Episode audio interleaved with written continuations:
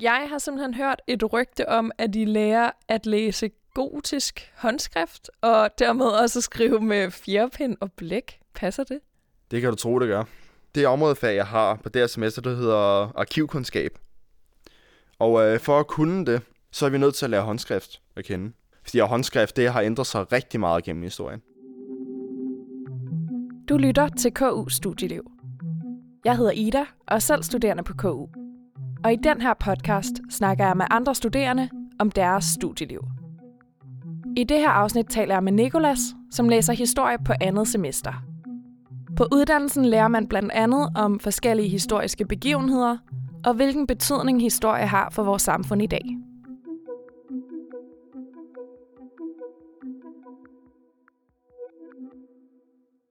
Når du fortæller folk, du møder, at du læser historie, hvad plejer folk så at sige til det? Jeg vil faktisk ikke sige, at der er så mange, som sådan har nogle fordomme om det, hvad jeg snakker med. Så er så mange i min omgang- omgangskreds, de øh, er selv humanister.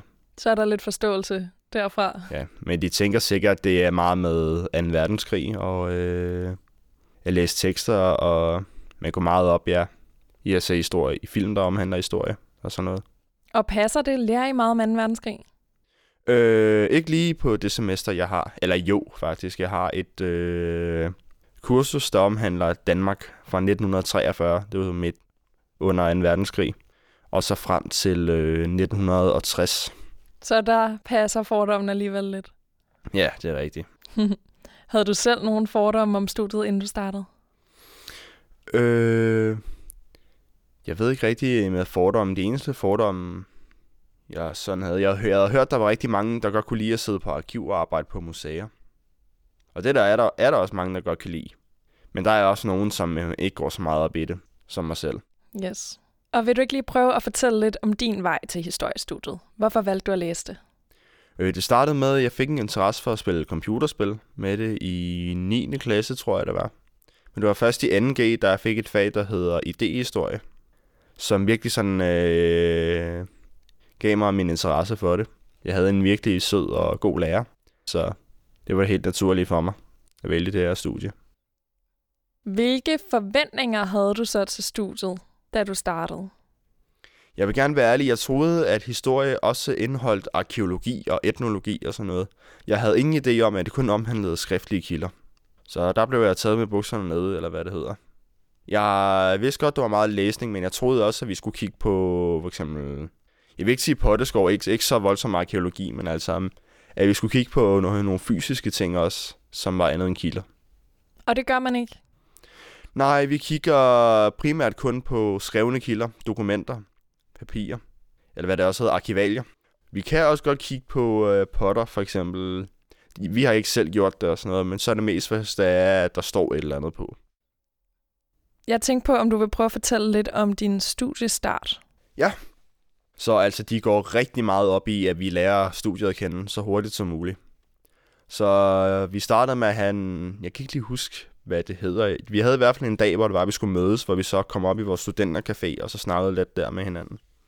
Og så var der også øh, noget, som hedder en immatrikulation, hvor rektoren på hele KU introducerer alle studerende, så og byder dem velkommen til studiet. Og så er der, er der så vores intro. Der kom vores kære tutorer, og fortalte os lidt om, sådan, hvad studiet går ud på, og øh, fortalte os lidt om, hvordan vi kommer på internettet. Og så lavede, de også, lavede vi også en masse brobygning, hvor det var, at vi lærte hinanden at kende på holdet. Så både nogle praktiske ting, man sådan får styr på, og så også en masse socialt. Ja. Jeg synes også, det er vigtigt at pointere, i hvert fald på historiestudiet, at man, vi skulle vælge imellem fire forskellige kurser, inden det var, vi tilmeldte os. Og så blev vi så smidt på, sådan stamkl- på stamhold eller stamklasser, efter hvad vi havde valgt. Jeg havde valgt øh, et kursus, der hedder Enevældens Offentligheder, som handler om øh, trykkefrihed i Danmark i 1700-tallet. Hvis der er nogen, der har set en kongelig affære, så er det stort til det, vi skulle læse om. Du nævner, der er fire valgmuligheder. Hvad var det for nogle fire? Kan du huske det? Ja, det kan jeg. Altså, jeg havde valgt jo enevældens offentligheder. Så skulle man også have lidt om det antikke Grækenland. Og så var der også et kursus om Danmark i, fra 1960 til 2020. Og så var der også et om øh, lægevidenskaben i Danmark fra slutningen af 1800-tallet og så frem til 2. verdenskrig. Så helt fra første semester var der simpelthen noget valgfrihed? Ja, Det var der. Vil du egentlig sige, at der er noget, man sådan skal vide, når man starter på historiestudiet? Altså skal man ligesom have styr på verdenshistoriens tidslinje, eller er der et eller andet særligt, eller kan man godt følge med lige meget hvad? Altså, der er rigtig, rigtig mange historienørder på mit studie. Mange, der er langt mere engageret, vil jeg selv sige, end mig selv. Men øh, altså, man behøver slet ikke have nogen viden om det, når det er, man begynder.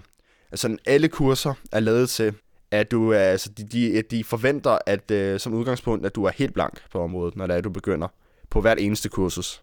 Så det er ikke forventet, at man kan alt muligt andet end adgangskravene. Nu kunne du jo godt lide historie tilbage i gymnasiet.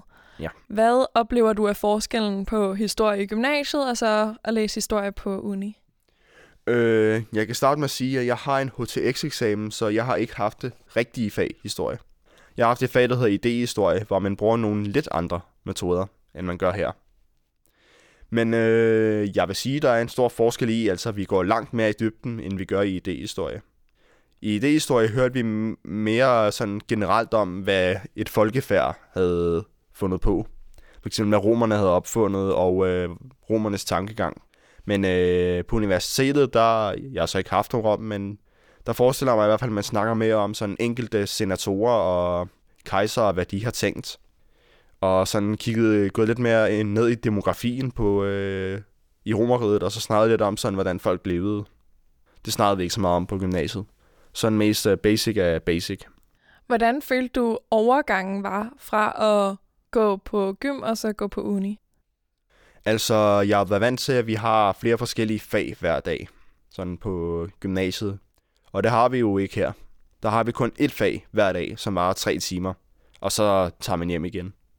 Der er så til gengæld langt, langt mere forberedelse, som vi skal læse derhjemme. Så vi har cirka 12 timers undervisning hver uge på studiet i gennemsnit. Og øh, så skal vi bruge resten af tiden derhjemme på at læse. Fordi studiet er faktisk struktureret, som om du har et fuldtidsjob, 37 timer. Men ja, når man så læser 12 timer, eller når man så har 12 timers undervisning, skal man så bruge de resterende timer derhjemme på at læse. Så det bliver altså ret meget læsning? Ja. I løbet af et semester har I så også nogle opgaver eller afleveringer? Øh, ja. Øh, på første semester, der havde jeg to kurser, og på det ene kursus havde vi ingen afleveringer overhovedet indtil eksamen. Og på det andet kursus, der øh, havde vi to små afleveringer. En på øh, en, der skulle være 5 sider, og en, der skulle være mellem 8 og 10 sider.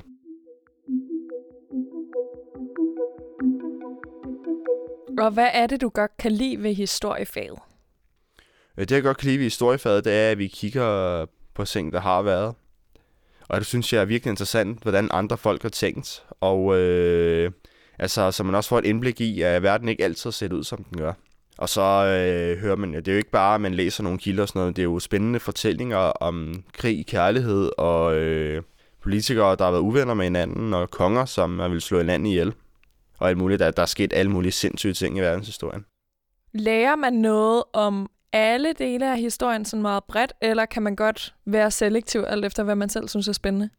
Altså, der er, der, der er nogle krav til, hvad man skal have lært, inden da man skriver sin bachelor. Øh, som udgangspunkt skal man have haft om en historisk periode, der er efter 1850 og før 1850. Og så mener jeg også, at man skal have med et land, som ligger uden for Europa. Jeg er ikke sikker på det. Der er i hvert fald noget, man ikke kun skal have om Danmark. Man skal også have om nogle andre historien fra, nogle, fra andre lande. Er der så mulighed for, at man selv vælger fag og kurser, alt efter hvad man godt kan lide? Ja, det er der. Altså de her krav og kriterier, de skal bare være nået, inden man skriver sin bachelor, som standard er på 6. semester. Hvert semester øh, kan man selv vælge stort set, hvad det er, man gerne vil have af kurser. Der er dog en undtagelse. Der er et metodefag, som man skal have på hvert semester. Det er obligatorisk. For eksempel på første semester har vi haft om kildekritik. Det kan man ikke vælge fra.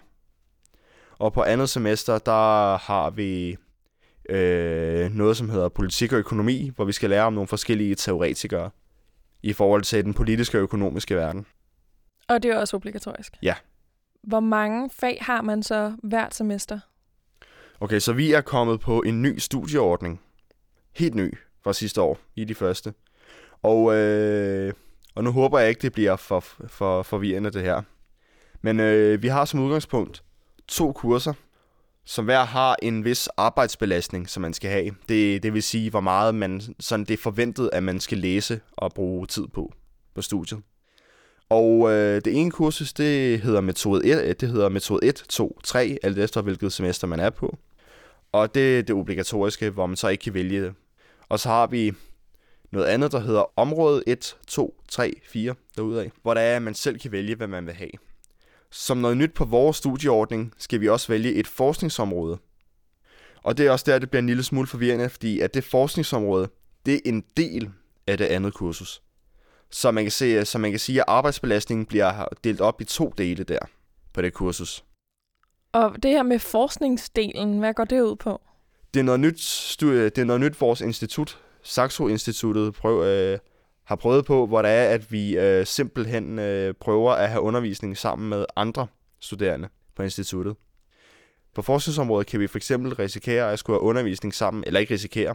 Der skal vi nogle gange have undervisning sammen med arkeologer, etnologer og andre, som også har noget med historiefaget, sådan historiefagets kerne at gøre.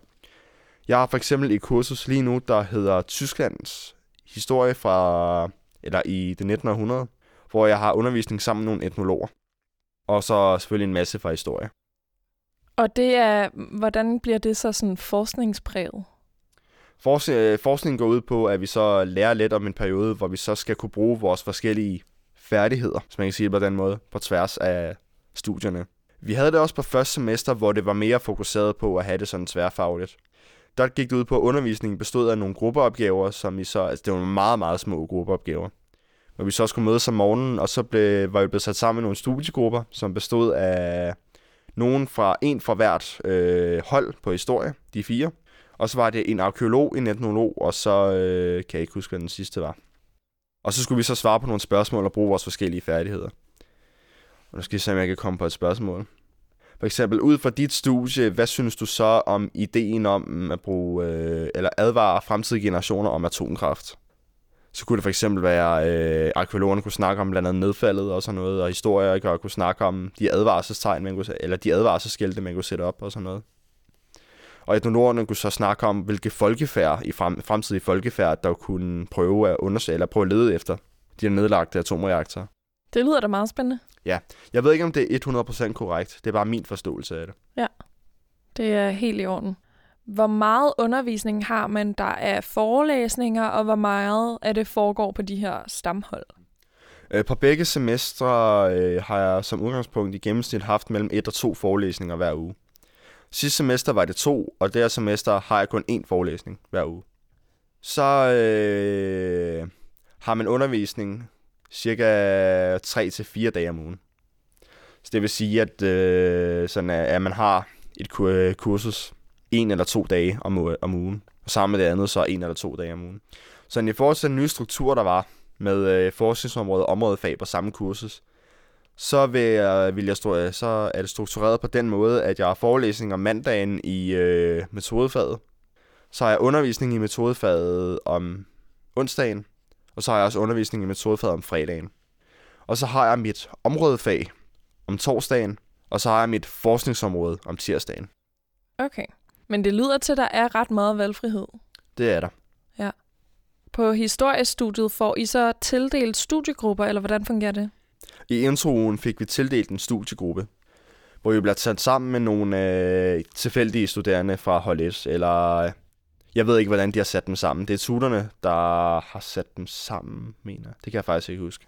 Det er okay. Det er ikke forventet, at man arbejder i den studiegruppe gennem hele semesteret, men så har man i hvert fald et godt udgangspunkt. Hvilke sådan sociale ting er der ellers, man kan engagere sig i på studiet? Øh, vi har en øh, studentercafé, der hedder Café Helga. Nej, altså fantastisk studentercafé. Den vil jeg anbefale alle at tage op i. Og så er der også billig øl. Den her øh, studiecafé Helga, er det også en, I bruger i hverdagen, når det ikke er til fredagsbar? Ja, helt bestemt. Jeg sidder deroppe og læser nogle gange, hvis der jeg skal til et møde senere. Eller hvis jeg har nogle andre planer. Ja. Og så er det også et godt sted at mødes med sine studiekammerater. Og så få en sodavand. Man kan også få sodavand deroppe. Mm. Det, jeg, vil, jeg, vil, jeg vil sige, at Helga er kernen i hele historiestudiet. I det, altså i det sociale liv. Det er selve kernen i det. Det er simpelthen der, man, man samles og mødes og ja. kan finde hinanden. Det er samtidig også den allerstørste studenterforening, vil jeg sige, på vores studie, lige efter vores festudvalg. Og så tuterne, de øh, anbefalede også på det varmeste, at man blev medlem af Helga med det samme. Er du blevet det? Det er jeg. Sådan. Hvad laver man så som medlem? Øh, som medlem, så får man nogle specielle privilegier i form af, at man må komme med til alle fredagsbarer for det første. Der er nogle fredagsbarer, hvor man skal vise Helga-kort. Og når der er, man er medlem af Helga, får man også tilladelse til at kunne booke Studentercaféen til sine egne arrangementer. Jeg spiller for eksempel Dungeons and Dragons og holdt et Dungeons and Dragons arrangement to gange derop til stor succes. Fedt. Står du så også i kaffebaren og sådan betjener den? Det gør jeg ikke, nej. Men det er der rigtig mange for, eller ikke så mange for lige præcis min årgang, men der er rigtig mange for studiet, der gør det. Og til dem, der måske aldrig har været herude på KUA, hvor Helga ligger, kan du så prøve at beskrive, altså, hvordan ser sådan en studiecafé ud? Øh, vores er jo, altså, man kan ikke komme udenom, at den er, det, det, fordi det er, vi er fra historiestudiet, og der er også arkeologer og sådan noget, så er den også indrettet på den måde.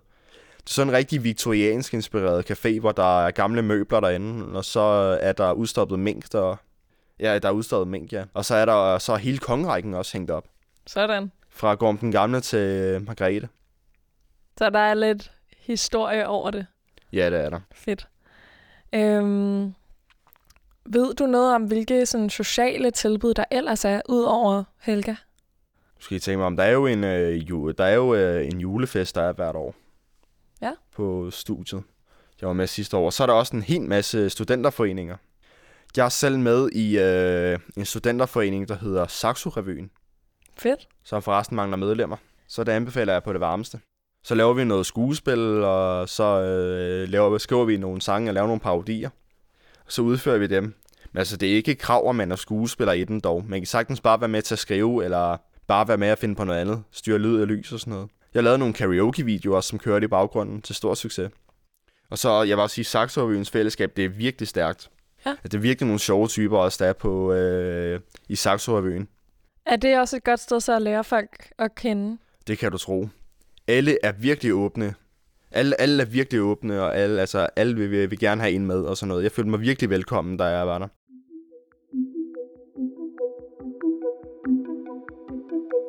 Jeg har simpelthen hørt et rygte om, at de lærer at læse gotisk håndskrift, og dermed også at skrive med fjerpind og blæk. Passer det?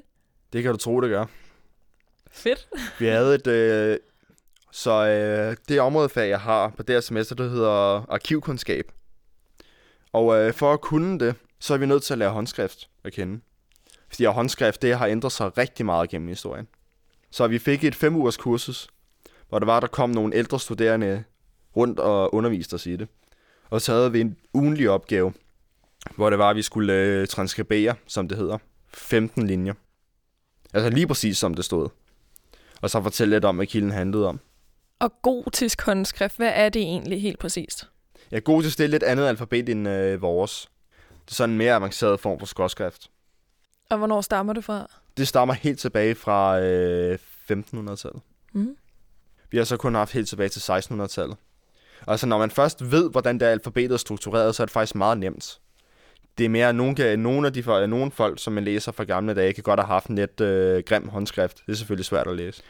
Jeg kan også huske på vores tredje, i, i den tredje uge, hvor vi havde øh, det der øh, håndskriftforløb, der øh, fik vi lov til at skrive med fjerpen og stålpen.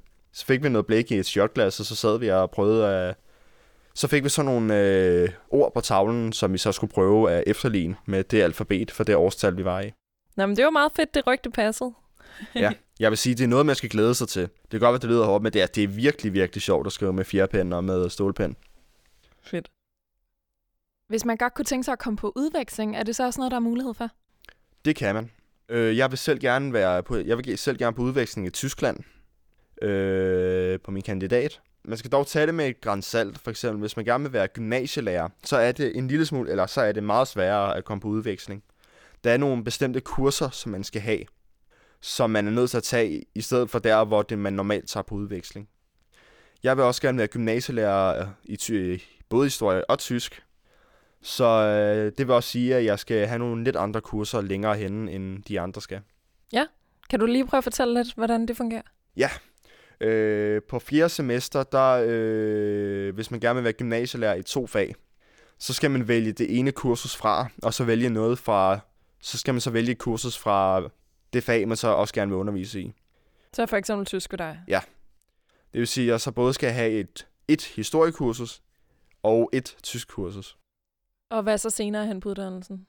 Ja, så, så fortsætter det på den måde. Sådan at man blander Ja, historie Så resten af studiet, så er det et historiekursus og et tysk kursus. Okay. Hvordan kan det være, du godt kunne tænke dig at være gymnasielærer? Jeg finder stor glæde i at undervise eller at forklare andre sådan, hvad jeg ved. Og så har jeg også haft en del lærere, hvor jeg føler, at det arbejde, det kunne jeg gøre bedre selv. ja, det er også en god motivation. Og så synes jeg også specielt i forhold til alt det, man hører lige nu med folkeskole og gymnasie og sådan noget. Med børn, der er med, med højt fravær og sådan noget. Der føler jeg godt, at man kunne gøre undervisningen sjovere, end den er lige nu. Du vil jo gerne være gymnasielærer. Men ved du, øh, hvis man ikke har lyst til det, hvad man så kan ende med at arbejde med, når man har læst historie? Åh, der er rigtig mange muligheder. Men jeg vil sige, man kan jo både arbejde på et museum bagefter, en lidt større stilling bare rundviser. Man kan også vælge at blive professor på Københavns Universitet. Det her semester har jeg blandt andet en, der er i gang med at skrive øh, og hvad hedder det, Ph.D. som underviser. Og øh, så mener jeg også, at man kan arbejde, inden, øh, man kan arbejde for ambassaden, arbejde for regeringen. Altså, der er mange, der er mange forskellige muligheder. Og når man har læst en bachelor i historie, hvilke kompetencer vil du så sige, at man har? Øh, man lærer blandt andet at kunne gå på arkiv og læse håndskrift selvfølgelig. Man lærer også for eksempel, hvordan øh, samfundet, hvordan forskellige samfund kan være struktureret. Og så lærer man også at forholde sig kritisk til forskellige, øh, til forskellige ting, man læser. Kildekritik kan for eksempel ikke kun bruges til øh, historie. Det er også noget, man bruger i blandt andet journalistik, når der er, man skal finde ud af, øh, når der er, man skal lave et interview for eksempel. Eller skrive en historie til nyhederne. Så så specielt i den verden, vi er i lige nu, øh, med krig i Rusland, hvad der russerne siger det ene, og ukrainerne siger det andet og sådan noget. Der er det vigtigt at kunne forholde sig kritisk til, hvad det er, de siger.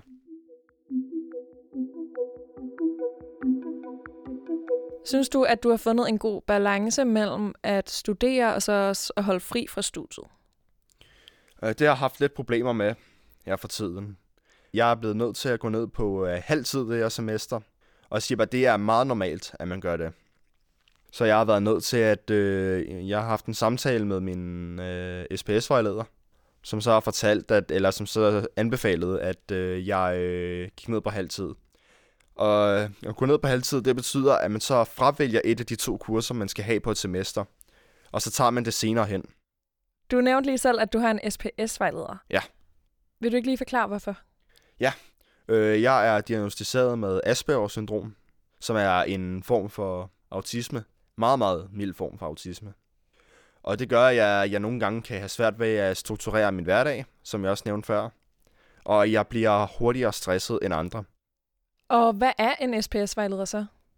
Jeg kan lige starte med at forklare, hvad SPS er først. Ja. SPS er sådan en øh, SPS er en ordning, som KU tilbyder til folk som mig, som har Aspergers, eller det kan også være folk med angst eller depression, som øh, kan øh, få lidt ekstra hjælp. Så får man en vejleder, og så snakker man så med hende eller ham i hvor det er, man så jeg snakker om, hvordan ens hverdag går, og øh, hvad er man stresset på ved studiet og sådan noget. Øh, og hvordan kunne min studie se ud, hvis det, når jeg nu er så stresset. Min SPS-vejleder anbefalede også, at jeg fik en studiementor, som er en ældre studerende, som øh, bliver hyret til at for eksempel hjælpe mig med at strukturere min, min eksamen, og øh, også hjælpe mig med, hvordan jeg kommer igennem de tekster, jeg skal læse. Fordi nogle af dem godt kan være ret svære at læse. Og så øh, hjælper hun mig også med, hvornår jeg skal læse, og hvor lang tid jeg burde læse. Er det rart, det der med, at der så er en anden, der siger til dig, at du godt må holde fri og hjælper med lidt struktur? Ja, det gør også sådan, at jeg kan, stru- at jeg kan strukturere min, min hverdag meget bedre. Og så har jeg et bedre overblik over, hvad jeg skal lave, så jeg ikke bliver så stresset, og det ikke sidder i mit hoved hele tiden. Det er godt at høre. Føler du, at du får noget ud af den støtte, du får så? Det kan du tro, der har været en game changer for mig på mit, histori- eller på mit studie. Jeg tror, hvis jeg ikke havde haft min SPS-vejleder, så havde jeg haft langt værre stress, end jeg har lige nu.